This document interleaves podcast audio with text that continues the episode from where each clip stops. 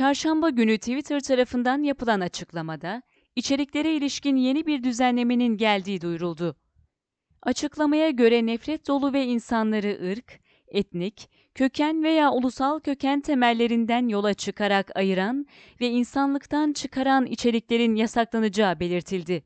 The Time of Israel tarafından yapılan habere göre Twitter'dan yapılan açıklamada Temmuz 2019'da nefret dolu davranışa karşı tutumlarımızı din veya sosyal sınıf temelli olarak insanlıktan çıkaran paylaşımları içerecek şekilde genişlettik. Mart 2020'de bu kuralı yaş, engellilik veya hastalık temelinde olacak şekilde genişlettik. Bugün insanları ırk, etnik köken veya ulusal köken temelinde insanlıktan çıkarmak için kullanılan dili kapsayacak şekilde nefret dolu davranış politikamızı genişletiyoruz ifadelerine yer verildi. Yeni politika, İsrail basınında İsrail karşıtlığının tamamen yasaklanacağı şeklinde değerlendirildi.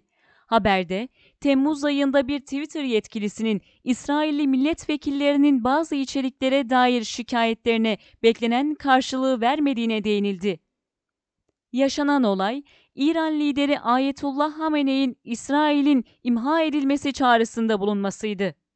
Twitter yetkilisi, Hamene'in bu yöndeki paylaşımlarının platformun politikalarını ihlal etmediğini söylemişti.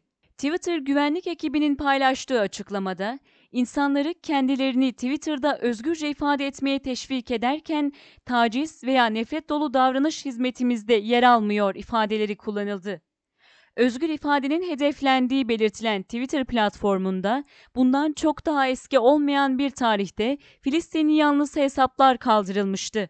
Ekim ayında İsrail Stratejik İşler Başkanlığı'nın hazırladığı rapor üzerine onlarca Filistinli ve Filistin yanlısı hesap askıya alınmıştı. Twitter platformunun varlığını uygun görmediği hesaplarda Filistin topraklarının İsrail tarafından işgaline karşı çıkılıyor ve İsrail yönetimine yönelik muhalif söylemler paylaşılıyordu. Kaldırılan hesapların paylaşımlarında İsrail'in meşruiyetine karşı çıkan ve manipüle eden söylemlerin olduğu öne sürülmüş ve Twitter tarafından söz konusu hesapların hizmet şartlarını ihlal eden bilgilerin yayınlanmasını güçlendirdiği belirtilmişti.